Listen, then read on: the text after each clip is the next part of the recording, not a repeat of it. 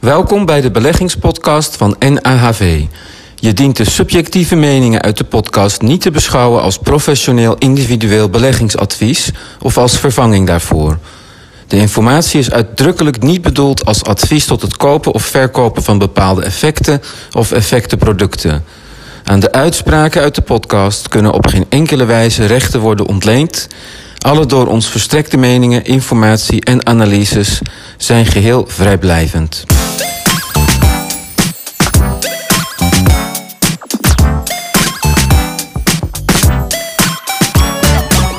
Wat valt er te verwachten in dit nieuwe jaar 2023 op het gebied van beleggen? Daarover gaan we praten in deze podcast van NAHD, de financiële dienstverlener voor de creatieve ondernemer. Mijn naam is Colin van Heesik en ik praat vandaag met beleggingsexpert Peter Visser en Danny Pieters van NAHV. Goedemiddag jongens. Goedemiddag Colin.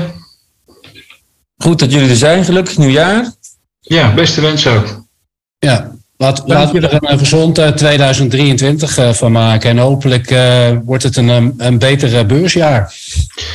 Ja, ja, ik denk dat het sowieso een beter beursjaar wordt. Ja, 2022 was niet zo goed, maar echt een rampjaar zoals 2008 was het ook niet, uh, toch? Nee, maar de problemen waren ook iets minder groot dan toen, toch? Ja. Ook omdat het bedrijfsleven nog wel redelijk overeind is gebleven. Ja, we gingen natuurlijk vanuit de COVID-problemen, kregen we meteen die oorlog. Dus met de economie draaide prima. Dus ja. ja, dat zie je ook terug in de beurskoersen. Die zijn niet geïmplodeerd. Peter, wat verwacht jij zoal in dit uh, nieuwe jaar op het gebied van beleggen? Uh, ik denk dat het belangrijkste dit jaar is dat je van... in plaats van onzekerheid gaan we meer naar stabilisatie. Alle problemen zijn wel een beetje bekend. En de oorlog en stijgende rente en inflatie. nou, als die punten, even af, afloop. die oorlog is natuurlijk. Daar je natuurlijk niks zinnigs over zeggen. mag alleen maar hopen dat het snel mogelijk afgelopen is. Mm Alleen ja, de markt weet dat het aan de gang is. Dus zolang het niet escaleert, ja, is het ja, een, een, ja, een probleem, maar wel een probleem wat we kennen. Uh, wat ik net al zei, we gaan meer richting stabilisatie. Uh, uh, problemen zijn bekend. Je ziet dat de VIX enorm is afgekomen. Swap spreads zijn, zijn naar beneden gekomen. Sorry, wat zeg je dan? swap spreads en de VIX dus zijn heel erg naar beneden gekomen. Wat zijn dat? de VIX is een indicator voor onrust op financiële markten. Mm. Als er heel veel paniek is, dan gaat de VIX omhoog. Nou, dat is dit in 2022 ook gebeurd, maar is ook weer heel erg naar beneden gekomen. Ja. Dus dat betekent dat er minder paniek is bij, bij beleggers. Mm ja, wat ik verwacht voor komend jaar. Dan en dat andere ding wat je zei, wat is dat? Uh, swap spreads, dus uh, de lange rentes. Dus ook wat minder, uh, minder paniek. Oh ja. Um, ja, ik denk dat je gewoon scenario's moet, moet, moet kijken.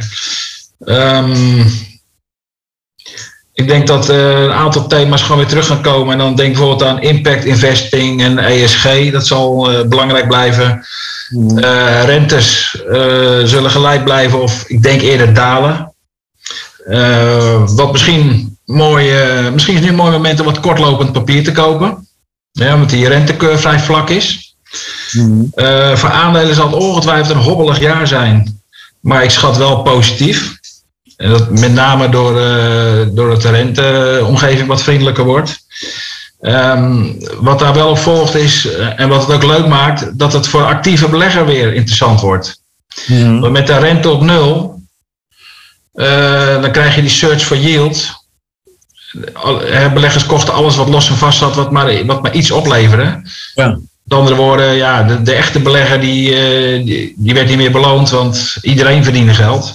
Maar die omgeving is nu heel erg veranderd, denk ik. Ik denk dat je nu echt heel erg naar sectoren moet kijken. En wat denk ik ook heel interessant komend jaar kan zijn, is, uh, zijn credits, hè, bedrijfsleningen. Mm. Voor, me, voor mensen, voor beleggers waar uh, aandelen misschien nog iets te, te riskant voor zijn, is dat een mooie tussenstap.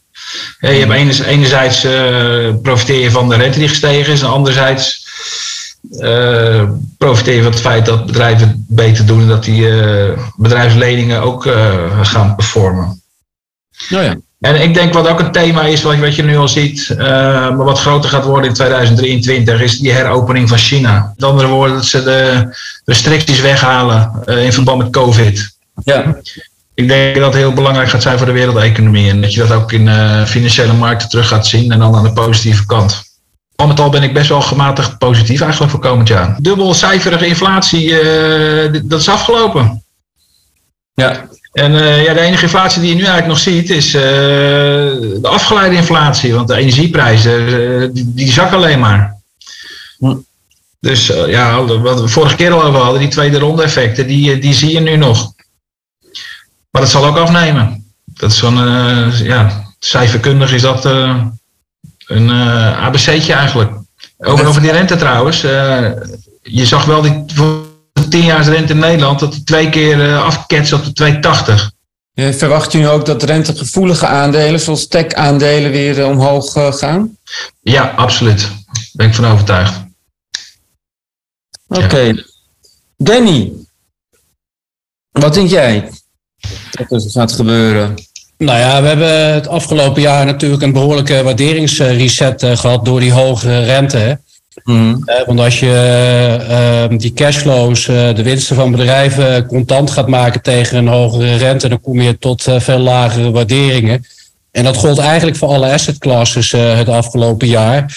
want wat natuurlijk best wel vreemd was, is dat de aandelenkoersen behoorlijk onderuit gingen, maar tegelijkertijd ook obligaties minder waard werden. Ja, dat komt eigenlijk normaal gesproken niet, niet voor. Uh, maar zelfs crypto's en alle andere asset classes zoals uh, vastgoed. Alles ging eigenlijk het afgelopen jaar onderuit door die hoge rente. Ja. Um, nou ja, kijk, de, de vraag was eigenlijk tijdens uh, corona naar voren gehaald. En dat kwam met name door het gratis geld wat verspreid werd door de, door de centrale banken. Ja, die centrale banken die hebben in die periode toch een beetje zitten slapen. Die hebben veel te lang gewacht met het verhogen van de rente. Maar ook met het stopzetten van uh, van het opkopen van die obligaties in de markt, waardoor ze nog meer geld in omloop brachten.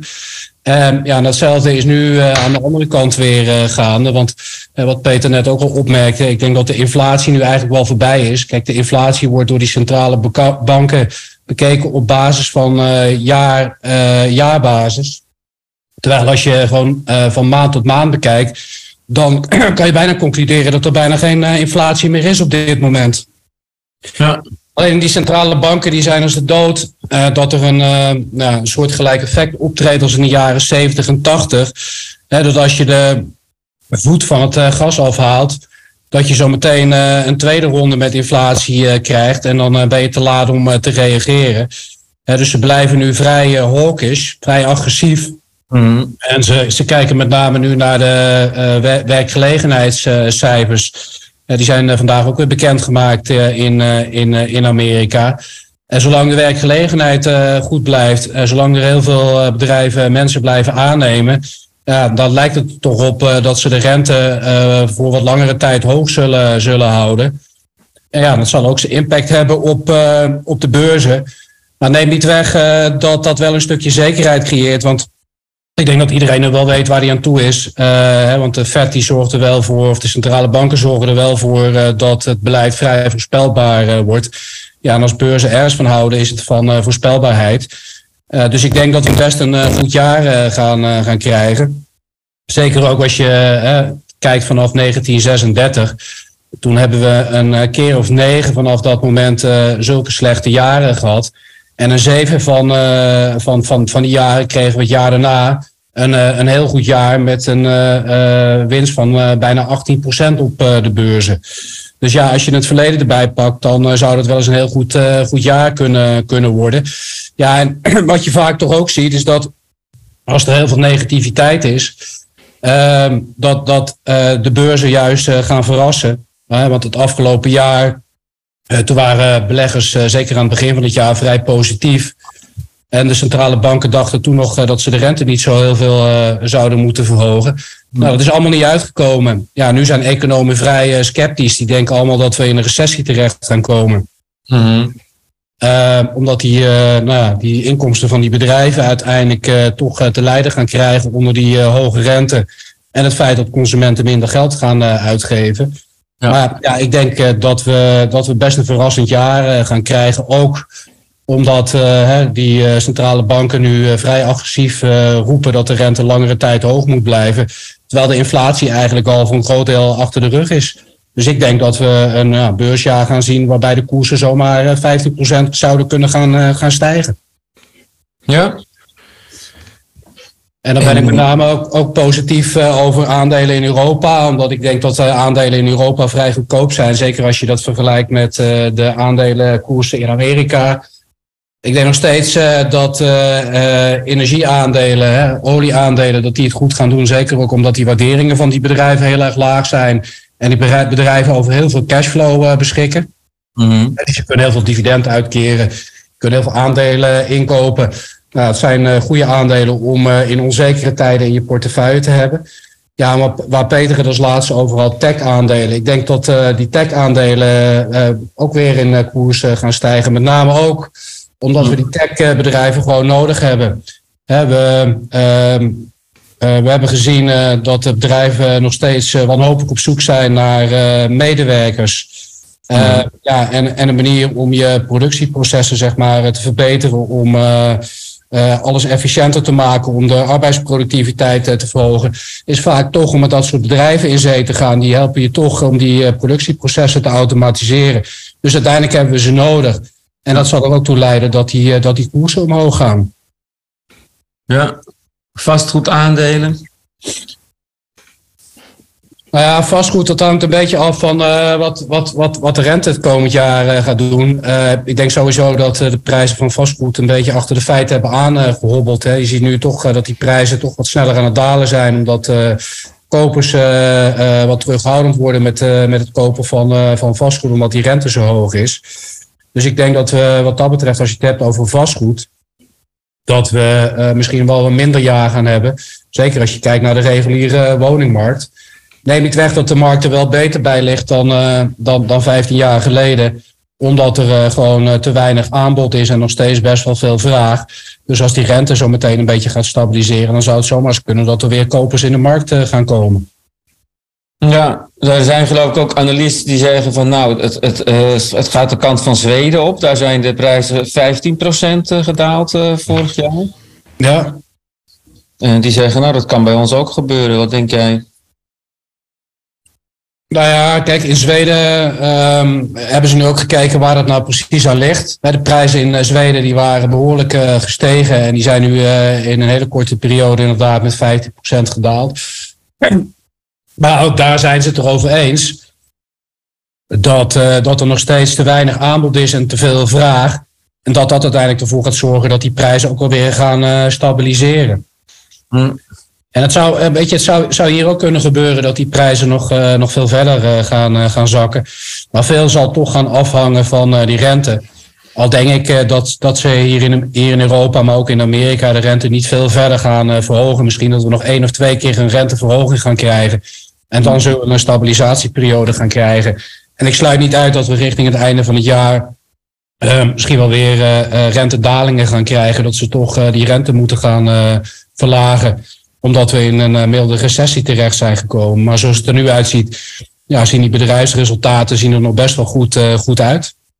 En de werkgelegenheid ligt er gewoon goed bij. Dus als je dat bekijkt, dan, dan, dan valt het eigenlijk allemaal nog wel mee. Peter, ben jij dat eh, met Danny allemaal? Uh, ja, ik ben ook wel van het glas is half vol inderdaad. En um, ja, wat Danny ook zegt, waar ik het wel mee eens ben. Um, ja, die centrale banken zijn natuurlijk heel erg bang dat ze, dat ze te vroeg zijn met. Uh, dat ze te vroeg de rente misschien weer gaan verlagen. En wat dan, als ze dat uh, niet goed timen, dan hebben ze best wel een groot probleem. En je zag van de week ook aan die vetnotulen die uitgebracht zijn dat de Fed zegt dat financiële condities nog steeds te ruim zijn op dit moment. Uh, waar, waarmee ze eigenlijk zeggen, uh, de markt loopt, uh, equities en obligaties, loopt te hard vooruit op een verwachte pivot.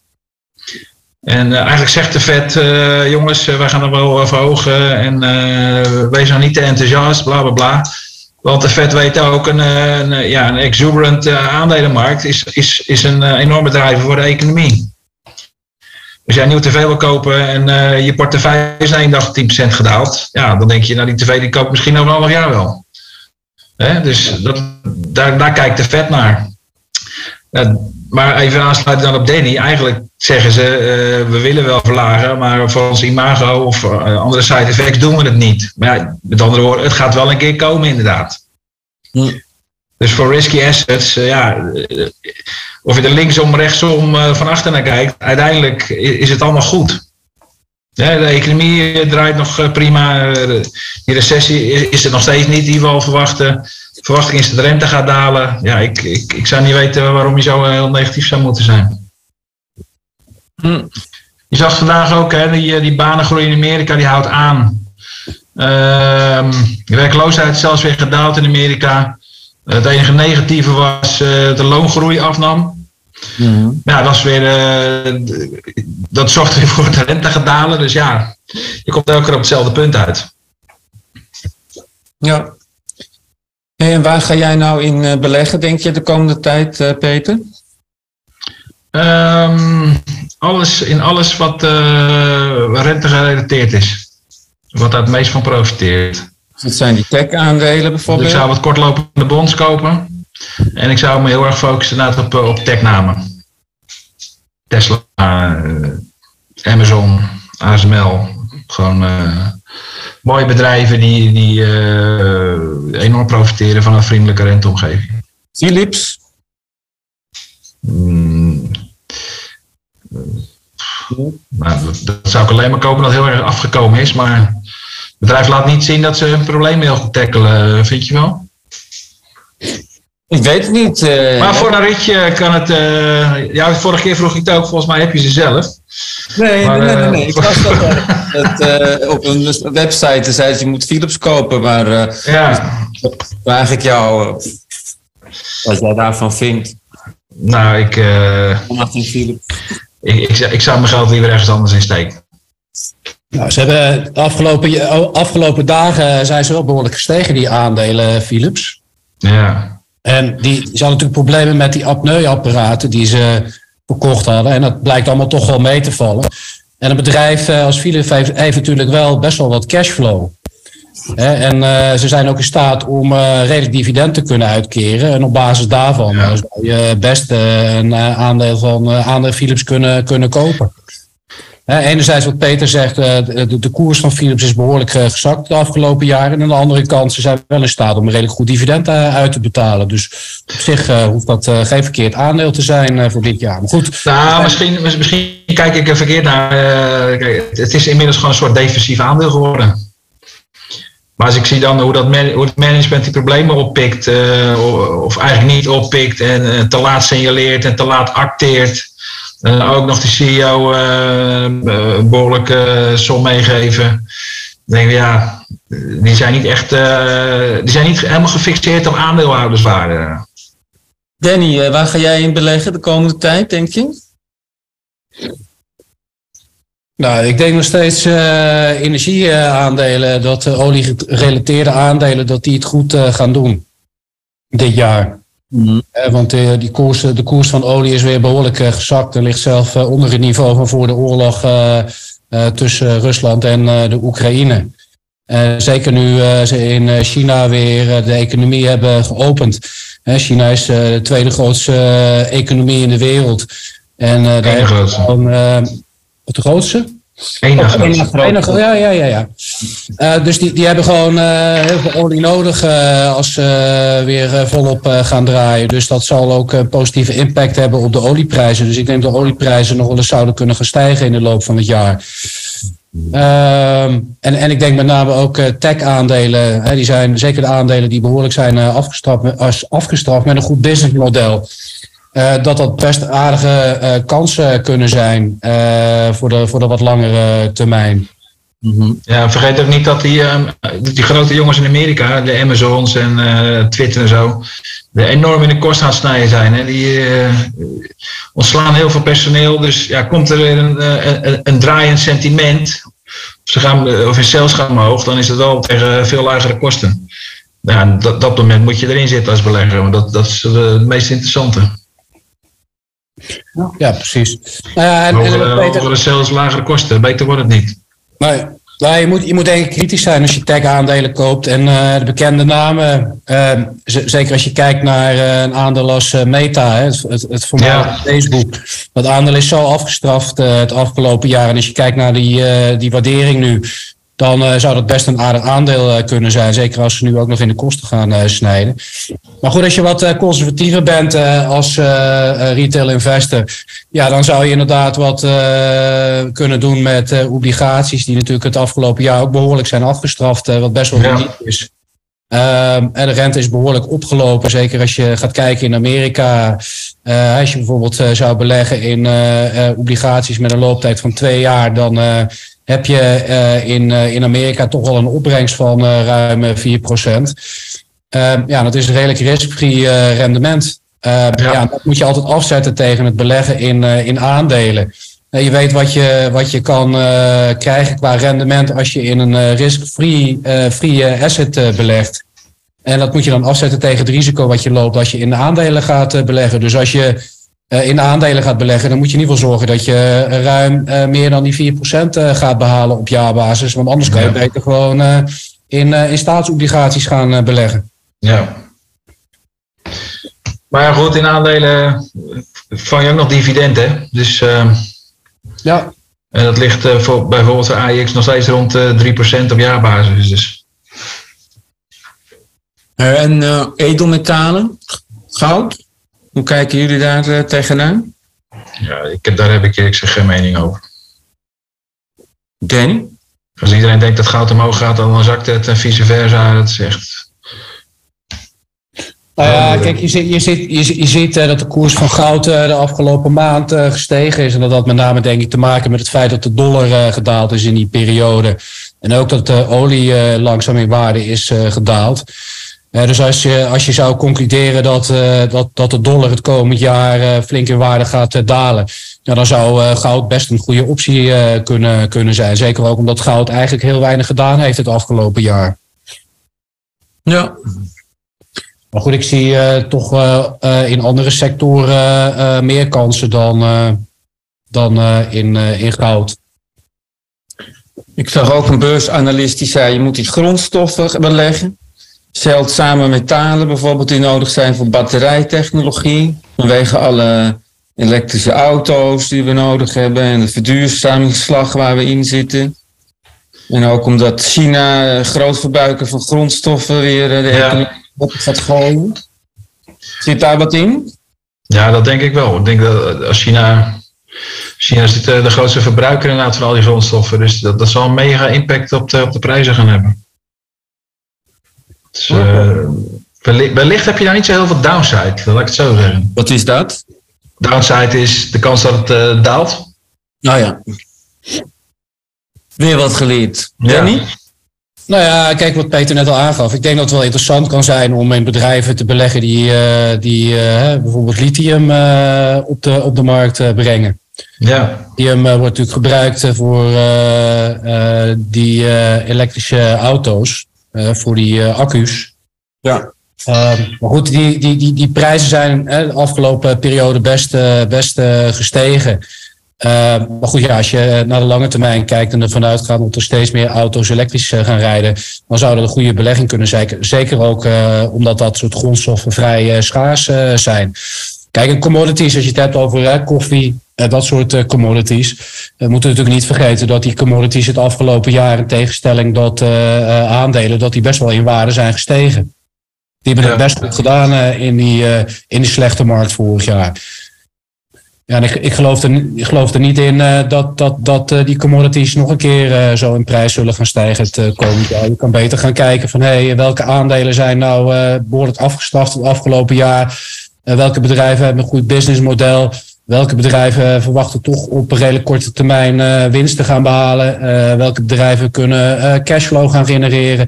Ja, in dat soort bedrijven zou ik gaan beleggen. Zeker als ze ja. zijn afgestraft. Jongens, verder nog iets waarvan je zegt dat is een, een ding om rekening mee te houden in het nieuwe jaar als je, als je belegt? Um, een actieve benadering van de portefeuille, ik denk dat dat heel belangrijk is. Mm -hmm. Wat houdt dat in? Nou, dat je, dat je echt uh, probeert mee te surfen op, uh, op, op de huidige trends. En uh, wat niet werkt, dat je dat snel verkoopt. En ja, je, het is geen buy and hold komend jaar. Je moet echt je moet er wel bovenop zitten.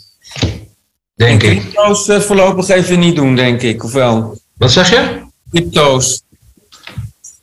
Ja, nee, crypto zou ik verder, verder weg van blijven. Ja. Danny? Nou, om op dat laatste uh, aan te haken. Kijk, uh, er is natuurlijk van alles in die markt uh, gebeurd. er gaat meer regelgeving komen. dus de slechte bedrijven die vallen er nu een beetje tussenuit. Dus het zou op zich best een goed moment zijn om te denken van... nou ja, nu laat ik nu maar wat, wat cryptootjes kopen. Kijk, ik denk dat het sowieso altijd ongeveer 5% van je totale beleggingsportefeuille uh, zou moeten uitmaken om ook een goede assetallocatie te krijgen en gewoon goed te spreiden, zodat je minder risico loopt. Maar ik denk met name dat je dit jaar gewoon goed moet kijken van hé, hey, ik moet aandelen in mijn portefeuille hebben. Maar misschien moet ik nu toch ook wel gewoon goed kijken of ik in obligaties ga beleggen. Kijk, die bekende portefeuilleverdeling van 60-40, die heeft natuurlijk de afgelopen jaren totaal niet gewerkt. Uh, maar gezien de huidige rentestand denk ik uh, dat het uh, wel verstandig kan zijn om 60% in aandelen te gaan en 40% in obligaties. En die obligaties die, die bieden ook een vangnet voor het moment dat we wellicht toch in een recessie terecht gaan komen. Ja. Maar dan hebben aandelen vaak toch wat meer te lijden. En dan zal je zien dat de rente omlaag gaat. En dan stijgen die waardes van die obligaties. Dus dan heb je een mooie hedge en dan loop je het komend jaar niet zo heel veel risico. Dus je moet, je moet gewoon spreiden, dat is heel belangrijk dit jaar. Zeker ook omdat de meningen van uh, heel veel uh, specialisten heel erg verdeeld zijn. Ehm, ja, we, we, kunnen, we kunnen nou niet precies voorspellen hoe het jaar eruit gaat zien, ondanks dat we een positief gevoel hebben.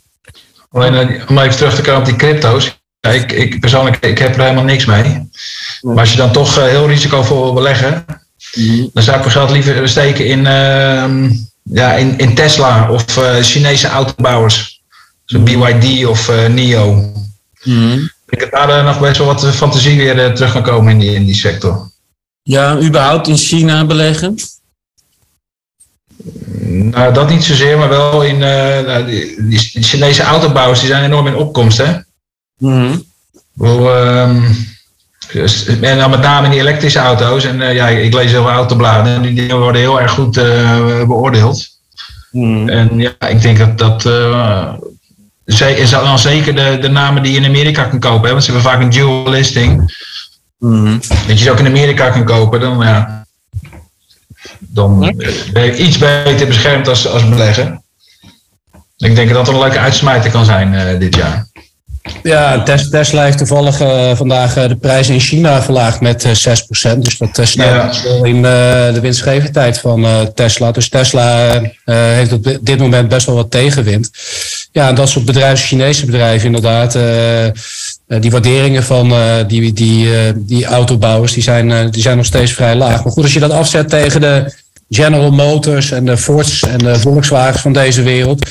Ja, dan zijn die waarderingen van de Tesla's, hè, de, met name die producenten van de elektrische auto's, die zijn nog best wel hoog.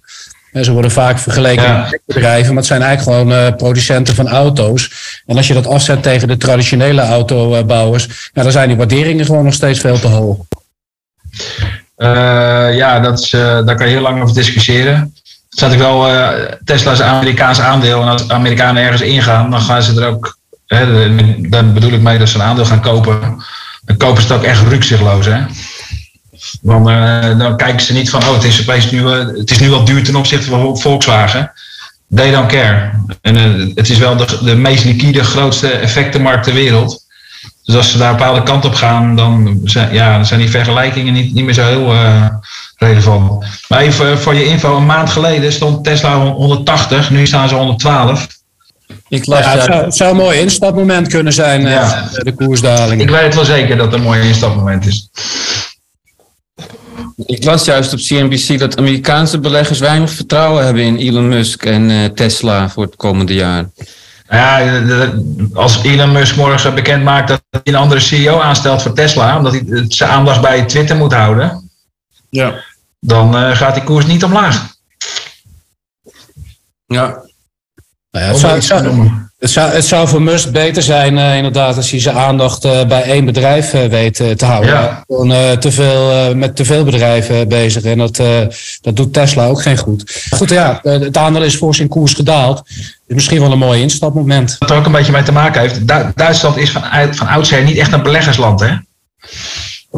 Oh nee. Dat zijn de Amerikanen wel, Nederlanders op zekere hoogte ook wel. Uh, elke Amerikaan belegt voor zijn pensioen. Die in aandelen. Dat is gewoon zo. En in Duitsland is dat veel minder. Die zijn veel kritischer, zeg maar. Zijn liquiditeit is daar ook veel minder. Hm. Ja, dat, dat is minder instroom naar, naar de lokale namen. Of in de lokale namen. Ja. En, en wat voor effect heeft dat dan? Nou, dat, je, dat, dat de prijzen niet zo hard oplopen. Ja, die gekte die je in de Amerikaanse markt soms wel ziet, die, die uh, beleggers echt overdrijven, dat zie je in, in Duitsland wat minder. Ja.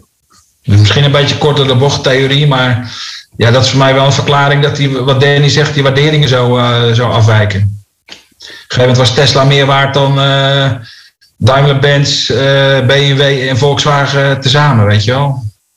Oh, echt? Sloeg ook nergens op natuurlijk, maar ja. Hm. Vraag niet hoe het kan, profiteren van. Alright. Nou, jongens, uh, dank, je, dank jullie wel. Nou, graag gedaan, hè, Cor. Dus, uh, volgende, volgende keer gewoon weer op kantoor. Ja, ja. gezellig. Alright. En uh, nou, prettig weekend. Tot ja, jullie ook.